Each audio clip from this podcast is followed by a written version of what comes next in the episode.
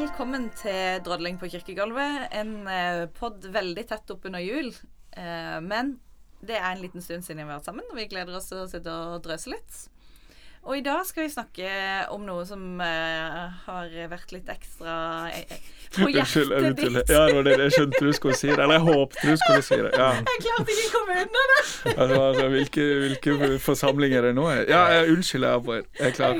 Skal jeg begynne på nytt, eller? Nei, Jeg syns du skal fortsette. Vi løst og Ja, det synes er jeg. Ja. Det vi, vi har allerede definert at vi skal være løse og ledige, da. Så det er jo fint. Men eh, Tor Olav, du har hørt litt podkast som du har spilt inn eh, eh, som en sånn nyttig oppspill til en gøy diskusjon om eh, tekst. Ja. Skal bare gå rett på. Kjør på. Gønn på. Eh, det gjør jeg. Jeg har hørt på en eh, podkastserie med eh, Trip Fuller og John Dominic eh, Crossan, eh, som handler om eh, julefortellinger, og, og litt at dette her er ulike fortellinger. Og, og det syns jeg jo Først og fremst snakker de om eh, Matteus og Lukas, da. For det er jo, som vi alle vet, eh, så er det den ene vismennene eh, finnes i, og ikke den andre, men vanligvis så slår vi de sammen til ei fortelling. Og det som jeg startet med å spille inn til Brage og Linda, det var om vi kanskje skulle snakke om dette her med hvordan vi i en del sammenhenger harmoniserer fortellinger, forkorter fortellinger. Og dette tenker jeg vi gjør i Eller det gjør vi i veldig mange sammenhenger. Og, og det er ikke bare julefortellinger. Påskefortellinger er et eh, kjempeeksempel på dette. Barnebiblene er jo så å si alle er jo forkortninger, og det er veldig vanskelig å gjøre en historie kortere uten å gjøre den på en måte mer spiselig. Jeg tenkte på det når jeg eh, forberedte meg at jeg, på, på Barnegospel så ble jeg lese fra Desmond Tutu sin eh, barnebibel. Og de er veldig korte. Og jeg blir sånn jeg blir, eh, For jeg vet jo Ser hvilken historie som kommer, og så vet jeg ikke helt hvordan han har skrevet det når jeg leser. Dårlig forberedt. Men, men uh, Det er eh, det ingen som kan kjenne seg igjen i. ja, det er godt. Godt at alle andre er godt forberedt. Men da blir jeg alltid glad for at han liksom ikke gjør det mer groteskt enn eh, nødvendig. Men samtidig er jo det harmonisering av, av fortellinger. Men det, det som jeg har tenkt på mest med dette, her er ikke nødvendigvis dette her på en måte tar du vekk gørret fra fortellinga, men, men mer dette her eh, Hva gjør det med eh, de bibelske tekstene når vi harmoniserer og later som om det er ei julefortelling? At det er ei påskefortelling? Er det, hva er det som er fordel, og hva er det som er ulempe med det? Eh, Hva, det var Der er hodet mitt stoppa nå. Er det innledning som er mulig å forstå? Absolutt. Har dere noe å hive dere på? Mm. Ja, kan jeg bare sånn komme med sånn eh, Bare for å ta opp eh, noe som eh, Kanskje mange lyttere tenkte med en gang du begynte å snakke om det her. Det Mm. derre med eh, eh, Når evangeliene spriker, Ja. og de forteller ulikt. Og påsken er et enda bedre eksempel. Og det er veldig sånn typisk en del som skal være kritiske. At man påpeker ulikhetene eh, i evangeliene. Ja. Det står litt ulike ting, og det gjør det også i eh, Matteus og Lukas i forhold til eh, julefortellingen. La oss kalle den det. Eh, skal vi være opptatt av at eh, de må stemme? Fordi vi er, vi er litt på vei til å snakke om eh, eh, eh, hva som er det viktige i teksten. Mm. Er, det, er det historiske viktig? Liksom? Eh, ja og nei, men, men i denne sammenhengen så er jo mitt poeng at det kanskje ikke er så viktig som vi ofte gjør det til. Uh, før vi begynte å spille inn her, så, så snakker vi litt om dette her med lesekontrakt, hvis Mm. jeg sier det riktig nå, Linn. Ja, ja, ja. ja. Som, som man gjerne inngår eh, gjerne ubevisst og, og implisitt med, med en ulik tekst. Altså Hvis det er lovforsamling, så har du en annen forventning til det enn om du leser en tekst som begynner med 'det var en gang'. Eh, og med en gang så begynner det, det en del tanker som begynner å spinne i hodet på hva slags tekst hva er det jeg forventer med denne teksten her. Eh, og jeg tror veldig ofte, sånn som vi er lært opp, så, så har vi sånne, sånn faktabriller på når vi leser en del eh, tekster som vi oppfatter som historiske. Og veldig mange tekster oppfatter vi som historiske. Så vi blir sånn OK, det er Her står det at eh, Jesus sine siste ord var eh, Min Gud, min Gud, hvorfor har du forlatt meg? Mens her så er det Far, jeg overgir min ånd, eller eh, det er fullbrakt. Altså det, det Alle de tingene kan ikke være det siste samtidig. Det er ikke mulig. Og så kan du konkludere med eh, OK, det er feil. Jeg kan ikke tro på det. Eventuelt at du kan bare si at det er bare ett av en av fortellingene som er riktig. Mm. Eller så kan du tenke at ja, men jeg har faktisk feil eh, forståelse av hva slags tekst dette er. Kontrakten min med denne teksten er feil. Eh, og det Nå jeg sier- er veldig glad i å projisere. Jeg tenker alle har de samme opplevelsene av ulike ting som, som jeg har, så jeg bare tar utgangspunkt i min opplevelse. Men det var, det var sånn, det var min opplevelse når jeg kom til disse tekstene og oppdaga at liksom dette går ikke helt opp med de brillene jeg har på meg. Og det var ikke sånn at jeg bare sånn Da har jeg feil lesekontrakt. Du, gjorde, du tok ikke den, altså? Nei, jeg ble veldig forvirra. Hva er det som har skjedd her? Hvorfor, hvorfor går ikke dette opp? Fordi jeg har blitt fortalt disse fortellingene som om det går opp. Eh, og så er jeg jo veldig glad for at jeg har studert det, og da er litt andre briller etter hvert som, som begynner å gjøre seg mer gjeldende. Men, men det, det er jo forvirrende, så jeg tror ikke alltid det mest Jeg tror som regel ikke det mest spennende i disse fortellingene hva var det som akkurat skjedde, hvordan skjedde dette her. Så det var vel litt forholdsvis langt svar på er det det historiske som er viktig? Bare så det er sagt. Eh, jeg tror ikke Jesus er finner opp. Eh, vi har vel ganske gode kilder, det tror jeg de fleste seriøse forskere, hvis man skal være så eh, og teit å si det, er enige om at Jesus har levd. Mm. Men eh, akkurat hvordan eh, opprinnelsen til Jesus var, der er jo f.eks. Matteus og Lukas ganske uenige. Johannes er veldig uenig. Mm. Markus får vi ikke vite så mye om. Altså det, og da er det kanskje ikke det som akkurat det historiske som er det viktigste med den delen av fortellinga. Ja, og det må vi snakke videre om. Videre om. Eh, men jeg, jeg vil komme med et, et, nytt- et eksempel til. Da. For jeg har hatt litt sånn samme opplevelse eh, diskutert opp gjennom eh, livet. Eh, skapelsesberetningen Mm. Ja. og vitenskap, f.eks. Og der er det jo to forskjellige. Der, Ja. det er også to forskjellige. Uh, og og uh, hvis du skal tolke skapelsesberetningene bokstavelig, så kan det fort hende de spriker litt med hva vitenskapen forteller. Mm. Uh, og da har jeg Jeg har jo på en måte eh, aldri vokst med, opp med at det er et problem med skapelsesberetningen i forhold til vitenskap. Fordi jeg har aldri tenkt på skapelsesberetningen som en beskrivelse av hvordan ting faktisk ble til. Men, Du har alltid tenkt på det som en mer sånn metafor eller poetisk det. beskrivelse. Ja. Ja. Og så har jeg hatt så mye diskusjoner, og så har det gått opp for meg etter hvert litt samme opplevelsen som deg. da, At, eh, at eh, ja, men folk må jo skjønne litt eh, Eller folk må skjønne, det var godt.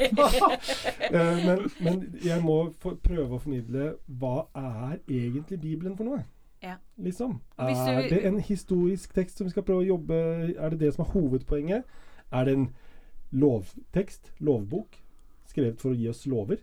Er det en eh, vitenskapsbok? Eller handler Eller er intensjonen da bak tekstene, biblioteket av tekster, eh, noe helt annet? Og, så, og det har vært veldig forløsende for meg i Ja. samtaler med folk som er kritiske til disse forskjellene i evangeliene. Eh, Mm. og sånn. Og det handler jo òg litt tenker nå jeg da jeg er enig i my- veldig mye av det som sies her, men det handler jo også litt om hva slags tekst til hva slags bruk, da. Eh, hvis du er en forsker som forsker på den historiske Jesus, så må du jo selvfølgelig finne ut av historisiteten i ting. Det er jo det du driver med. Men det er jo stort sett ikke det vi driver med når vi skal ha en preken på julaften eller eh, snakke på en skolegudstjeneste om juleevangeliet. Da holder vi på med en helt annen praksis. Da holder vi jo på med videreformidling av tro, med forkynnelse, med eh, og, og læring, ikke sant. Mm. Eh, og da, ikke, da kan jo selvfølgelig noen av disse historiske tingene eh, hjelpe en til å få et perspektiv på teksten, men hovedpoenget med det vi holder på med, ligger jo mer i intensjon, teologi, eh, hvordan beskrives Gud fram i denne teksten, hvordan kan vi forstå noe mer om Gud i denne teksten. Eh, Ja. Og da er det jo en helt annen kontrakt, sånn som du sa. Da, da er det jo ikke en lovtekst eller en historisk tekst, eller Da er det jo mer en sånn Ikke 'det var en gang' som eventyr, men mer, mer liksom du må, du må liksom forholde deg til teksten på en litt annen måte da enn hvis du tenkte OK, men er det sant, er det ikke sant? Hvis alt som står her, ikke er sant. Eller hvis, hvis én ting ikke er sant, så kan jeg ikke stole på det her. Det er liksom det er, ikke helt, det er ikke helt der vi er da med bibelske tekster, tenker jeg. Mm. Mm. Hvis vi skal gjøre det veldig konkret med, med jomfruunnfangelse, da, så, er det, så var synes jeg det var fryktelig eh, spennende å, å lære at eh, Cæsar var jo født av jomfru. Og eh, forholdsvis mange herskere hadde vært eh, født av jomfru før Jesus. Eh, og fordi når jeg har hørt fortellinger når sp- opp igjennom, så det som står ut for meg med den fortellinga, er jo veldig mye dette her med jomfrufødsel. Fordi det er så annerledes enn mange andre fortellinger. Så da, da henger jeg meg opp i det. På en måte stemmer det, stemmer det ikke. Men når jeg lærer da på en måte Cæsar er jo født av jomfru. Uh, at dette var en ganske va forholdsvis vanlig påstand. Ikke at du sa det om alt og alle. Men det er ikke en påstand som er så sjokkerende uh, da det ble skrevet, som det er i dag. Og det gjør noe med hvordan du hører det. Det er ikke nødvendigvis jomfruunnfangelsen som du hang deg opp i da, som den første leseren. Og det ville en god forfatter vite, hvis eh, forfatteren kjente sitt publikum. Men det er en kjempestor påstand å si det er ikke eh, eh, Cæsar som egentlig er Gud. Den som egentlig er Gud her, det er Jesus.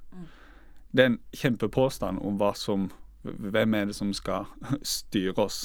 Hvilke makter er det vi skal gi våre liv til? Altså, her er det en påstand som, som utfordrer meg i mye større grad enn å snakke om eh, er det jomfrufødsel eller ikke.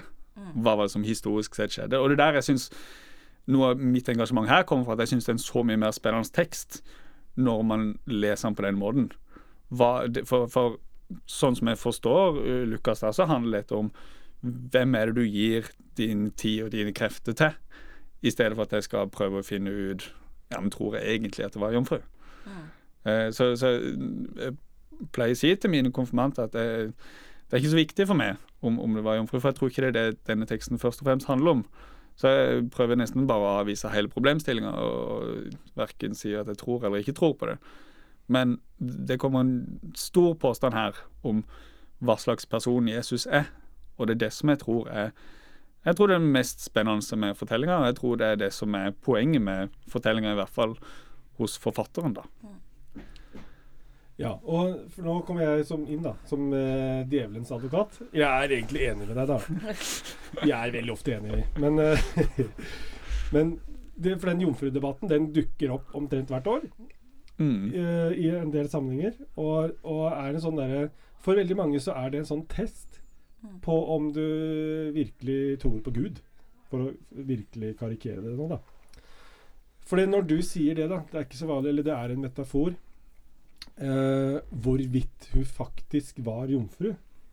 Så, så tenker La oss si da at jeg da tenker med en gang, som jeg tror mange gjør, at altså Har du virkelig et problem med at Maria eh, var jomfru? Når fikk fikk Jesusbarnet? Når Gud kan gjøre akkurat hva hen, hun, han, Gud vil? Mm. Uh, og eh, det er en veldig typisk sånt svar uh, uh, på, på folk som sier sånt. da. Men så er jo da poenget ditt at nei, men hva, hva er det som er intensjonen bak teksten her? Hva er det vi egentlig skal fokusere på, liksom? Eh, det kan... ja, det, ja, nei, nå avbryter jeg litt. Ja, men men det, for poenget er jo virkelig ikke at jeg har noen problem med å tro at det kunne være jomfru hvis det er en gud som har skapt verden. Mm. Og det, det husker jeg har- var, liten, hvor, hvor jeg snakka om Er du kristen, er du kristen? Så var det sånn Ja, jeg tror på Gud, men jeg greier ikke helt å tro på Jesus. Og da tenkte jeg bare sånn Hæ? Mm. Tror du at det finnes noe som har skapt verden, men du, ikke noen som greide å få noen til å gå på vannet? Mm. Og, og her igjen vil jeg, kan jeg fort gå inn i metaforlandskap på, på, på å gå på vannet. Men om det er mulig, det er ikke det som er problemet mitt. Problemet er ikke jeg, må, jeg, jeg, må, jeg vil heller snakke om det som metafor fordi jeg syns det er så vanskelig med jomfrufødsel, eller fordi jeg syns det er så vanskelig med å gå på vannet, eller andre mirakler. Men jeg tror ikke det er det som er det mest spennende med teksten. Og ikke bare mest spennende, jeg tror ikke det er det som er poenget til teksten, og jeg tror ikke det er det som er det, dette er tekster som utfordrer mitt trosliv, men det mest Mm. spennende og mest utfordrende på mitt trosliv er ikke var det akkurat sånn det skjedde. Det er hvilke konsekvenser får dette for mitt liv. Mm. Eh, på den, skal vi si, jeg, gulper jo bare opp alt jeg har hørt på, på denne podkastserien nå, men, men eh, da bruker de dette lignelse og, og sier Jesus er fryktelig glad i å fortelle lignelser. og Poenget med mange lignelser er at de skal få oss til å tenke. Hvis man hører fortellinger om, om den barmhjertige samaritan, og, og tenker at når Jesus sier at vi skal gå og gjøre det samme, så, og du tenker at du skal kle deg ut som en samaritan og gå mellom Jeriko og Jerusalem og, og sjekke om var det sånn det skjedde, ja, men hvor var han født, ja, men var det faktisk røvere der? Eller altså, hvis du, hvis du tenker sånn, så misforstår du hele fortellinga. Eh, og, og- det er fryktelig lett å gjøre med, med mange av fortellingene. Og Jeg vokste opp med å gjøre det sjøl, og det her projiserer jeg. Altså når jeg da opplever å ha fått en uh, ny forståelse av tekstene, så skal jeg prøve å fortelle videre det som jeg opplever har Du lært. evangeliserer litt her, rett og slett. Jeg opplever jo det sjøl. Jeg tror det er veldig få som anklager meg for å evangelisere, men, men, uh, men jeg vil påstå det sjøl. Men, men det jeg syns er spennende med det, er jo dette her med at eh, det er litt lett å henge seg opp i noen av disse historiske detaljene og tenke at det er her det står og faller. Men det vi prøver å si, er ikke er, Det er ikke nødvendigvis det man trenger å gjøre. I hvert fall ikke hvis man skal tenke formidling i kirkelige sammenhenger nå i jula eller i påska, eller når man skal snakke om skapelsen. Men det er mer liksom hva sier denne teksten oss om Gud? At det er på en måte det spørsmålet man har bak. Hva sier denne teksten oss om tro? Hva sier denne teksten meg om mitt forhold til Gud? Altså, det er jo Luther. Eh, Gud for meg, og så videre. Og, eh, spør, Still det spørsmålet hele tida. Hva sier denne teksten om mitt forhold til Gud? Ikke sant? Mm. Eh, og, og da har man jo et helt annet utgangspunkt. Ja. Eh, og i det utgangspunktet så kan det jo være en svær berikelse med alle disse forskjellige måtene å fortelle på, Mm. istedenfor et problem. Og det, ja, og det må jeg si, jeg opplever det jo sånn. Og, og det må, jeg opplever å lese bibeltekstene, det å snakke om Gud, som så ofte utfordrende på, på personlig. Og så syns jeg det er så ofte man gjør Gud og disse fortellingene til noe som ikke utfordrer meg. Men noen fortellinger som vi lukker, som at vi bare vi tror på det. Og det må si, sånn i, i, i, i liturgiske sammenhenger så er det veldig ofte man har et språk som om Bibelen har en samla stemme, som om kristendommen har én samla stemme, hvor alt går liksom på linje hele tida. Og jeg sier ikke at ting ikke går opp, når jeg sier at det ikke går på linje, men, men det, det er helt bevisst at man f.eks. da har kanonisert fire forskjellige eh, evangelier. Det er folk som har prøvd å samle dem, sånn at du ikke har noen indre motsetninger i teksten. Men de har ikke blitt med i kanoniseringa. Et par av de har blitt eh, dømt som kjettere. Ja, det, og... ja det, det skulle man ikke gjøre. Virkelig ikke. Ja, og det er jo ikke sånn at disse, Før så kunne man ikke lese, så man hadde ikke oppdaga at disse ikke gikk opp. Det, det er helt bevisst, da. Men, men ja, med, litt med det måten vi ser på historie i dag kontra hva man har gjort før, det er andre briller. Vi har en helt annen bakgrunn i, som vi tar med oss og leser tekstene med. Det er så mye som gjør det på en måte tekstene utilgjengelige. Det er jo spennende da, hvis man en positiv spinn på det. Kanskje litt mer. Vi har tenkt mye på det, og jeg syns det er så spennende å høre det du sier, og, og veldig forløsende. Uh, I hvert fall i forhold til alle disse debattene om uh, sannhetsgehalten i forhold til alle ting som skjer. Uh, og eh, det å på en måte tenke at det, han, det er ikke en sånn Det er ikke en nødløsning at vi endrer fokus på teksten, liksom fra å Mm. være en historisk tekst til å ha en intensjon. Men det er faktisk det er kanskje faktisk det som er intensjonen.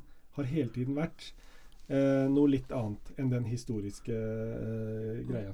Eh, det syns jeg er veldig Og så er det kanskje ikke bare én intensjon heller. Det, det er kanskje mange forskjellige intensjoner, men at man kan si noe om retning, altså teologisk retning på de forskjellige Hva slags bilder bilde av Jesus er det Matteus prøver å bygge opp, hva slags bilde av Jesus er det Lukas prøver å bygge opp, og at de er litt forskjellige, det er jo ganske sånn akseptert eh, eh, teologisk kunnskap, tenker jeg. Ja, for, for å bringe inn det for de som eh, er, eh, er nysgjerrig, så er det jo den historisitet er, Det er jo masse historiske forskere, de aller fleste vel, er, eh, er relativt positive til at eh, Jesus-personen har eksistert og sånn. Eh, og, og når det gjelder eh, eh, spriket i evangeliene, og påskefortellingen spesielt, da, som spriker en del, som er veldig ofte et argument for en del som er skeptiske, da så, så har man jo visst det her hele tida. Ja. Det er ikke noe nytt at evangeliene er ulike. De, de må ha visst det den gangen de satt og satte sammen. De visste at det sto forskjellige ting. Allikevel så valgte de å sette sammen, bortsett fra disse kjetterske eh, folka som ikke ble med. Men, eh, men eh, og, Så det er jo egentlig, er det ikke det, en, nesten et argument i seg selv? Jeg, jeg, jeg Ja. syns jo det. Eller sånn, det. Argument for hva slags kontrakt man skal inngå med dette. Det er ikke Altså Du sa et bibliotek av bøker. Bibelen er mange forskjellige bøker, så du skal ikke ha samme kontrakt på alle bøkene. Eh, Mm. men, men det, det er veldig rart å på en måte tro at her skal du ha en kontrakt hvor alt skal eh, gå opp. Når du helt åpenbart har fire forskjellige evangelier som forteller Det er jo ikke veldig ulikt. eh, Avhengig av hvor godt du kjenner dem. Altså, Johannes jo ikke, har ikke helt samme kronologi på, på alt sammen. Men, men i det store og hele så er jo dette det er jo, Man skjønner at det er samme eh, fyr det er snakk om. Det er ingen problem med, med å skjønne det. Men det, det er helt bevisst, da. Mm. Og da å, å skulle gå inn i det, disse tekstene med, med en liksom kontrakt om at hvis jeg finner en uh, intern motsetning, så stemmer det ikke. Det, det, det er en dårlig kontrakt. Mm. Vi lever jo med motsetninger alltid, tenker jeg. Vi lever jo det med motsetninger i vårt eget liv òg, liksom. Vi er, det er jo ingen av oss som går opp sånn. Eh, Det, vi, vi, og det tenker jeg at eh, det kan være en utfordring til liksom tilbake igjen til oss som skal snakke om dette og prøve å formidle videre. At eh, det er ikke sikkert at folk sitter i kirkebenken og tenker at dette her må gå opp. Dette må bli en samlende fortelling. Ellers så kjøper jeg det ikke. Fordi at det å leve med motsetninger, det gjør jo alle. Eh, og holde motstridende forestillinger i hodet sitt samtidig, det, er, det kan vi jo. Og, og, og det er på en måte en, det er en veldig stor utfordring da å skulle snakke om 2000 år gamle tekster. Og som man har en god del bakgrunnskunnskap om fordi at man har studert det.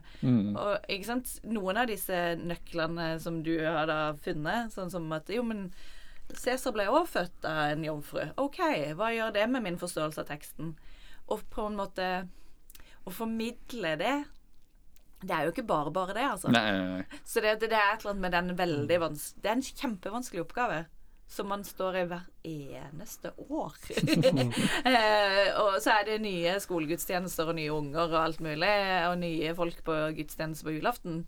Men det der å skulle liksom prøve å formidle disse fortellingene, ta med seg det man har av historisk kunnskap som hjelper, ta med seg det man kan om intensjon, eh, og så liksom si noe vettig om det, det er jo en skikkelig utfordring. Det tenker jeg vi må liksom bare tydeliggjøre. Det er en kjempeutfordring. Og så det, er, det er er det samtidig eh, en kjempemulighet, da. Fordi eh, det er det, det jeg pleier å si det. At uh, jula Vi burde jobbe Vi burde ta oss fri uh, mye ellers i året. Men heller jobbe masse overtid i jula, i desember. Fordi folk er så mye i kirka. Og er faktisk interessert og opptatt uh, av det. Eh, men å, å, å formidle det her, det er en kjempeutfordring. Spennende utfordring, uh, syns jeg. Uh, og så uh, tenkte jeg på nå eh, Det er mange teologer og sånn forskere som snakker om én stor fortelling. Altså at det er et viktig poeng. At Bibelen forteller én stor fortelling. Skal vi gå bort fra det? Nei, men det trenger man jo ikke fordi man sier at det er mange små fortellinger. Eh, og motsetningsfylte Ja. fortellinger? Nei, det syns jeg ikke man gjør. Nei, utlegg, legg ut det. Det, Legg det var det jeg ut- ute etter. å snakke om. Vi er enige, så jeg bare skjønner hvorfor du spør. Ja. men vi er nå eh, det, er- det kan jo eh, Mange som har studert, tatt årsstudium eh, i KRLE eller teologi på MF, har i hvert fall lest boka 'Den store fortellingen' av Reidar. Valvik Ja, ja. og Terje Stordalen. Absolutt. Ja. Så det kommer nok kanskje noe derfra. Men det er jo mer, en sånn, et, mer et sånn argument om at det går an å lese Bibelen som et på en måte argumentasjon for Gud, hvordan Gud handler i verden fra begynnelse til slutt. Eh, men at det da fins forskjellige aspekter av den fortellinga, som forteller forskjellige vinklinger, forskjellige eh, ja, aspekter. Det tenker jeg, det kan man jo fint holde sammen. Og det er jo litt sånn som jeg tenker Hvis, det, hvis vi skulle skrevet biografien om deg, Brage, og meg og Tor Olav skulle skrevet hver, hver vår, så hadde jo ikke det blitt likt. Absolutt ikke. Det hadde ikke det. Og, og jeg har eh, det, hørt eh, Det var jo en eh, tanke bak det spørsmålet. Og det var, det var ikke et åpent spørsmål, det var et retorisk ja, det, spørsmål. var veldig, det var et retorisk spørsmål, ja. det. var apropos. Eh, fordi at, at Jeg har hørt det som et argument, jeg husker ikke hvem det var, eh, at det at det er en stor fortelling med- masse små fortellinger i ulike sjangere Mm. Eh, det, er et, eh, det er et argument for at man kan leve godt med motsetningene. Fokuser på at det er en større fortelling her Mm. ute og går, og hva som faktisk er intensjonen. Eh, og ikke gå inn i de små tingene som kanskje er eh, motsetningsfylt. Det er kanskje litt med hvilke forventninger man har til hva det innebærer å ha ei stor fortelling. da. Ja. Hvis, man, hvis, hvis du forventer at alt skal line opp, da, så funker det jo ikke med ei stor fortelling. Men, men hvis du på en måte tenker at her er det mange forskjellige brikker som passer inn på ulikt vis, Mm. eh, så funker det Mm. med ei stor fortelling. Så det er mye med hvilke forventninger man går inn i dette her med, da. Ja. Og så handler det om litt å forstå eh, Veldig mange vil jo si at eh, Jesus, Jesu fødsel er et svar på veldig mye som står i Det gamle testamentet. Altså det er Det følger opp en fortelling. En, eh, en fortelling om Gud og verden. Mm. Ja, det kommer igjen an på hvem du spør, da. Men i ja, kirka, ja, så ja, er helt med på det. Eh, Hvis du spør en gammeltestamentler, så er det ikke sikkert de sier ja. Men, men, men den kirkelige tradisjonen er jo å, å tolke det sånn. Eh, Det er det jo definitivt. Det, det er jo noen eh, som jobber hardt med Gammeltestamentet, som er litt sånn okay, Det er ikke sikkert alt kan tolkes direkte på Jesus, og at det kanskje har vært andre tolkninger òg, med at det kan ha vært eh, kongen i Babylon. Nå kom jeg ikke på navnet. Cyrus. Cyrus, Mm. ja. Eh, og videre. Men sant, alt dette her er jo kompli er kompliseringer som både kan hjelpe oss å si noe mer om tekstene, og som også kan komplisere det litt når man skal bruke det inn i en kirkelig setting.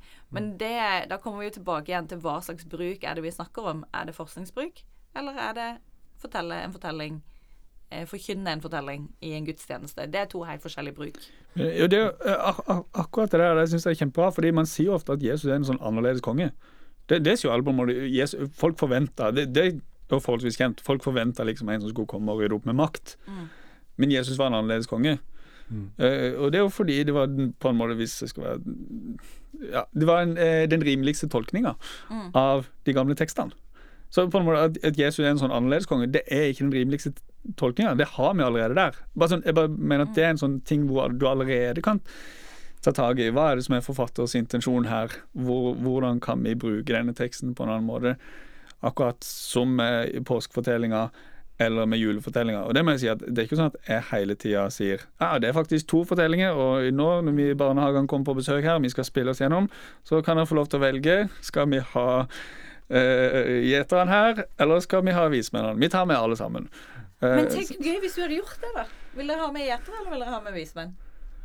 Nå ble jeg så, kanskje ikke det var en så dårlig idé. Jeg tenkte det, sånn, det er veldig fint å ha dem med. Men det er, ja, men det er, det er jo veldig Og hvordan skaper man Ja, fordi det, jeg tror vi gjør oss sjøl en bjørntjeneste med å på en måte Hvis vi alltid later som at det er ei fortelling som alltid går opp. Mm. For da, når de kommer som konfirmanter, eller hvor enn de kommer, Mm. så har de med seg forventning om at dette er noe som alltid går opp, og det handler om historisitet. Mm. Og igjen, er, poenget mitt er ikke at Jesus ikke fantes, men hva slags tekst er dette her? Jeg har lyst til at vi skal ha den bevisstheten med oss når vi snakker om disse tekstene. Og det tror jeg gjør noe med hvordan vi snakker om de tekstene, uansett om vi forkynner om det er barnehage, konfirmante eller om det er julaften. Og jeg tror absolutt ikke man skal si det samme alle stedene. Men, men det hadde jo faktisk vært eh, spennende. Jeg For syns det, det hadde vært kjempegøy. de, å hadde, de hadde jo skjønt det. Ja, de hadde skjønt det. Men og, og, altså, Jeg vet jo at jeg kanskje av og til var et litt rart barn, men jeg husker jo at jeg eh, var irritert på min søndagsskolelærer. Fordi at eh, han drev og harmoniserte. Oi. Og jeg hadde lest min egen Jeg hadde lest Barnebibelen, og lest at det der sto ikke i Matteus. Liksom. Og du hadde en sånn barnebibel? ja, ja, ja, jeg hadde en veldig svær barnebibel, og jeg vet at jeg, jeg, skjønner, jeg burde jo ha skjønt allerede da at jeg skulle bli teolog. Men, Ja. eh, men at jeg husker den der fryktelige irritasjonen at Men det er ikke sant. Det, nå, det du står nå og sier, Mm. det er ikke riktig. Du har, nå har du lagt sammen ting og tatt vekk noe, og jeg, jeg var ordentlig irritert. Jeg kan liksom Jeg tror jeg var sånn syv år og var ordentlig irritert på den der. Og jeg sier jo ikke at alle barn er sånn. Ikke i det hele tatt, apropos projisering. Men du vet ikke om det sitter én sånn liten eh, blivende teolog og liksom eh, Ja. Eh, Men vi skal ikke ta hensyn til det, da. Men det, det kan jo skje. At, vi, at vi slår sammen ting og gjør det for enkelt. Og at i å bevare den kompleksiteten Det er jo en liten kjepphest, da, det skal jeg jo innrømme, å bevare kompleksitet. Ja, ja, ja. men, eh, men at i å bevare kompleksiteten, så hjelper vi folk kanskje da til Hvis en skal se litt stort på det, en litt mer bærekraftig tro, da. Mm. Ja, det tror jeg. Og jeg tror å vise en sånn der, eh, åpenhet og undringsgreie, som eh, prest eller menighetspedagog eller hva det er, som står og forteller disse fortellingene. Mm. Vise at, at det er komplisert. At du kanskje undrer deg selv litt Mm. over hvordan det egentlig var, eller sånne ting. Det er, det er en sånn ærlig tro som jeg tenker eh, kan være veldig Veldig fornuftig. Ja. Men jeg tenkte på eh, alle disse julegudstjenestene og lysmester og sånne ting som jeg har hatt. da hvor eh, barneskolene er med og opptrer, på våre lysmester iallfall. Og de var veldig opptatt av at de skulle lese Messias' profetier. Og vi leser profetier hver søndag i advent. Eh, det, det skaper en slags for, altså det skaper en forventning, og det sier noe om De kan si noe om hvorfor eh, de vise menn kom med så fine gaver. Eh, hvilke forventninger de hadde til denne kongen. Mm. Fordi de hadde Hadde ikke de hørt noe? De var jo vise menn som kanskje hadde lest Jeg vet ikke om de hadde lest Jesaja eller sånne ting. Det må dere Nei, det tror jeg ikke vi kan si noe om. Nei, det kan vi ikke si noe. Men, men de hadde jo en forventning. Altså, og folk Ja. Hvor viktig er disse Jeg snakker fremdeles om den store fortellingen, jeg, da. Ja. Eh, om profetier. For jeg, jeg har gått på teologisk utdannelse og fått så øra flagra de gangene jeg på en måte Ja, men Jesaja snakker jo om Jesus, liksom. App, app, app. Rone reka, liksom. Men, eh, men, men samtidig så er jo de, de Når vi leser profetiene i, eh, i advent, så er det jo med å skape en forventning og bygge opp en fortelling fram mot jul. Og hele, hele logikken til kirkeåret er jo at disse her tingene eh, peker fram på Jesus. Ja. Så det var ikke for å si det, det var bare for å ha en lite forbehold for eh, mine gammeltestamentlige kollegaer Ja. som sier papp, papp, papp. Men, men det, igjen da at det handler om bruk, og i hvilken bruk man leser tekstene til hva. Ja. Ja. Mm. Ja, og I hvilken grad legger du opp til undring da, når, når man har organisert kirkeåret som man har gjort? da? Fordi man, Når man sier profetiene, så er det jo et utvalg av profetier. Det er en del profetier som man ikke tar med når man snakker om Jesus. Fordi Jesus passer ikke like bra på Mm. alle profetier. Eh, men, men igjen, hvis vi i, i våre da liturgiske sammenhenger framfører det som om alt går opp, og eh, hele tida, og i preken, men også i alle andre ting, så legger vi ikke til rette for undring. Jeg tenker på det når jeg, når jeg skriver preken. Det er jo jeg som får mest igjen for dette. fordi det er spennende for meg å jobbe med teksten. Mm. Men det jeg presenterer, det er polert. Mm. Eh, det er mye av undringa som er kutta ut. Og, og på en måte, det er jo den ferdige teksten hvor liksom alt går opp. Men, eh, og jeg håper at det er fint å høre på det, men, men, men mye går man jo glipp av. Og det er jo Mm. vi skulle, veldig tidkrevende hvis alle skulle vært med på hele prosessen, men, Mm. men, men det er noe der òg, tenker jeg. Ja. Og, vi gjør det kanskje enda mer når vi snakker til yngre barn, da. Så kutter vi enda mer av den undringa og enda mer av den usikkerheten som vi av og til presenterer for voksne og konfirmanter, i hvert Mm. fall. Mm. Eh, Ja. Og så kan det godt være det må være sånn, men eh, det er jo ikke sikkert vi må gjøre det samme hver eneste gang vi gjør ting. Nei. Mm. Men jeg sitter og tenker på øh, Jeg skal ha jo prekener på julaften. Uh, hvorvidt jeg skal snakke om jomfru, Jomfrudommen. det er noe som står på spill her, endelig. ja, altså uh, Fordi jeg er veldig med på den tanken at det er jo på en måte en diskusjon Eller et, skal jeg kjøre et sånn apologetisk trosforsvar for at uh, hun var jomfru, liksom? Det trenger jeg ikke, fordi det, fordi det er en annen intensjon bak teksten. Så lurer jeg på, sånn, som et rent grep, s- øh, så tenkte jeg først Ja, nei, så da fokuserer jeg ikke på at hun var jomfru. Det tenkte jeg først. Men kan det være et sånt godt grep faktisk å ta det opp?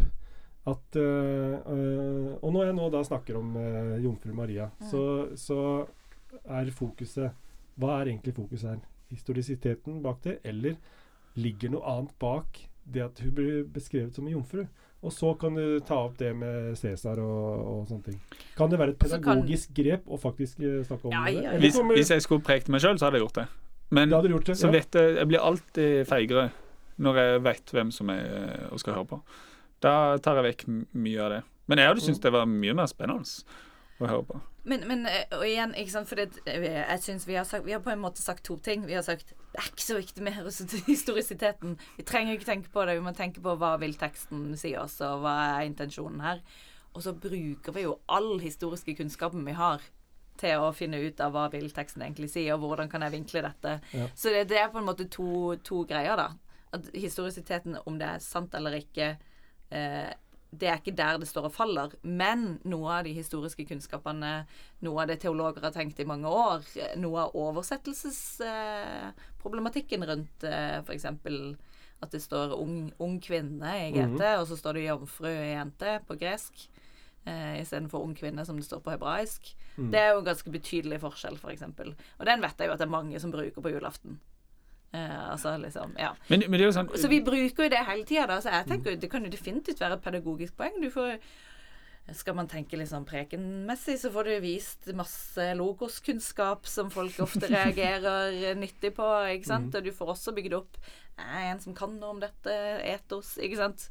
Men jeg tenker jo ikke at det skal være hovedpoenget i prekenen din om Maria var jomfru eller ikke. Da, da, ble jeg litt Nei, sånn- nei, og det er det som er på, Det er også en del som Nå er det, det er komplisert. Nå er det Mm. fordi det er jo egentlig det som er poenget mitt òg, liksom. Er at det er på en måte eh, Avfeier litt det at, eh, at akkurat det poenget, Mm. det er ikke så viktig i den fortellingen her. Mm. Uh, og, det, det, og, og hvis du skal ta poenget, så handler det ikke nødvendigvis om det mirakuløse ved at hun har blitt uh, gravid så, som jomfru, men, men det forteller noe om Jesus. Mm. Hvem Jesus var. En, en annerledes konge, liksom. Mm. At det kan være et grep for å komme dit. Og så må Mm. du selvfølgelig eh, for, å, for at ikke på en måte, alle skal gå ut av kjerka bare tenke med jomfruer. Så må du jo Ja, men, Det er det man man er kan- litt redd for, at det blir så jomfru... Det kan jo godt være at de gjør det hvis du ikke gjør det. For det jomfruordet, det er jo Det er jo et signalord. Signalord, ja. Ja. Mm. Eh, Kan vi eh, bare sånn, Det er sikkert kanskje noen lyttere der ute som tenker på dette med historisitet. Eh, og det vi har snakka om nå, er på en måte hva som er viktig, og hva som er intensjonen bak teksten. Vi har ikke sagt eh, noe om at vi er eh, skeptiske til historisiteten. Eh, og så bare kan vi bare Vi har en eh, Kan vi si noe kort om eh, den historiske forskningen? Oi, takk for Bare den. veldig kort. Du, du, du også nevnt spesielt Nei, altså, en podkast og han Tom Ja, Holland. ja, ja. Jeg, har, jeg har hørt podkast på vei til jobb i dag. Jeg er jo eh, både glad i å drive podkast og høre podkast. Og en podkast som heter The Rest Is, His The Rest Is History.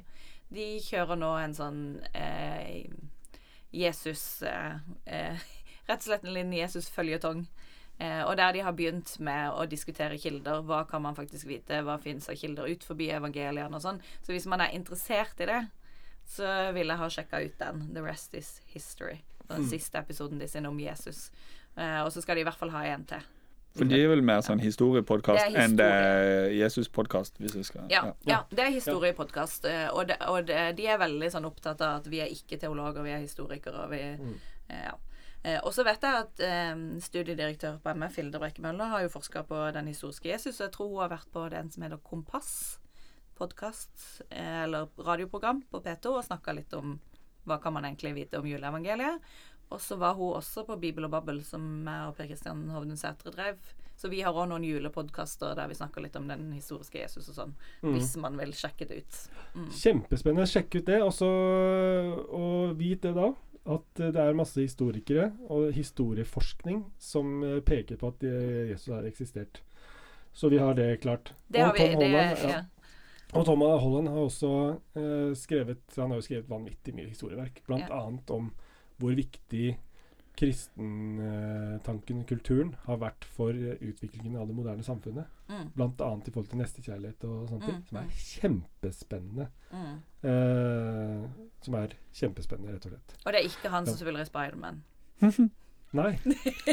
Og jeg, sier, heter- sier jeg riktig navn nå, forresten? Nei, det er riktig. det er riktig. Ja, ja, de, er de heter Tom Holland begge to. Ja. Men uh, han var jo her på MF. Dette er en digresjon. Han var her på MF, og studentene var Tom Holland skal komme til landet. Og så ble de litt skuffa når det var en middelaldrende britisk mann, og ikke han som spilte i Spiderman. Ja, Det Eh, skjønner jeg godt. Veldig kult. Ja. Vi, eh, skal vi peke litt mot landing her? Og da, Ja. da har jeg et forslag til en sånn eh, slags uh, avslutning. Ja, det er uh, Undersøkelser har blitt vist, jeg husker ikke hvilken det var, det er ikke så lenge siden, det var i fjor, at uh, Jesus er mer populær enn kristne. Mm.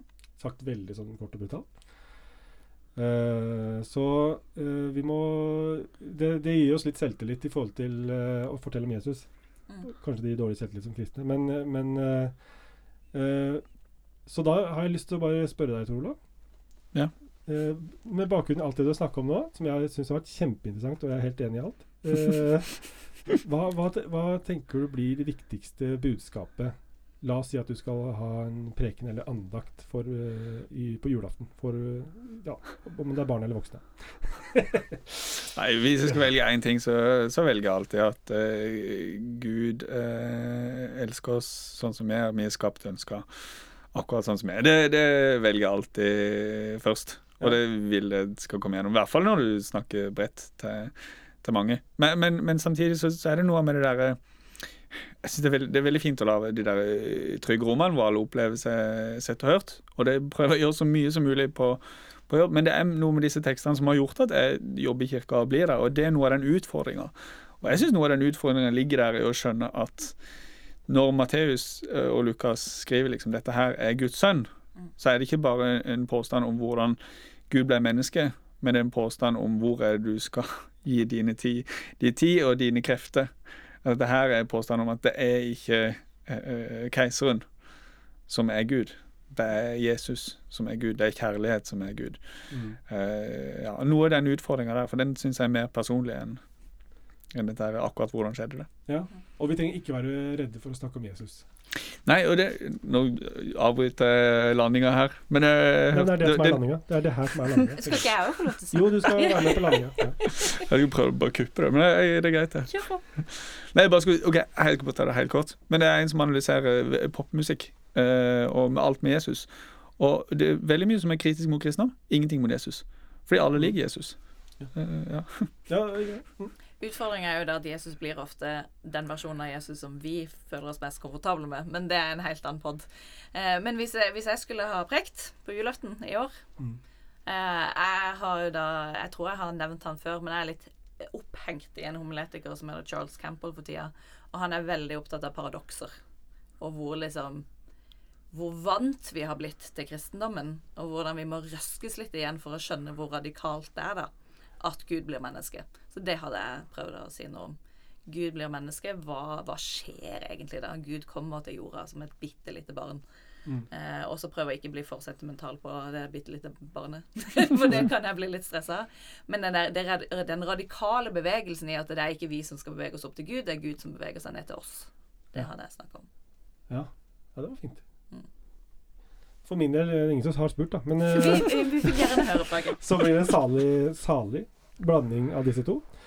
Uh, uh, og jeg har også tenkt litt på Det jeg har lyst til å snakke om, er uh, For jeg har tenkt mye på himmel på jord. En nåde så stor. Jeg er Mm. ikke aleine her på jord. Amund Enger, som har gjort den best, og har laga den, da. Mm. Om, og det handler om det paradokset at, at Jesus, eller Gud, blir menneske, kommer til oss på vår kompliserte jord. Eh, og vår enkle jord, og, og vår jord som akkurat nå er veldig dyr strøm. Eh, det er, eh, mange ensomme, deprimerte. Det er. Til denne jorda kommer Jesus. Jomfrubarnet som eh, eh, er eh, en annerledes konge. Det blir noe sånt, tenker jeg. God jul, da. God jul. God jul. Ja, nå landa vi det bra. Jeg tror det. God jul og godt nyttår. Eh, og takk for oss.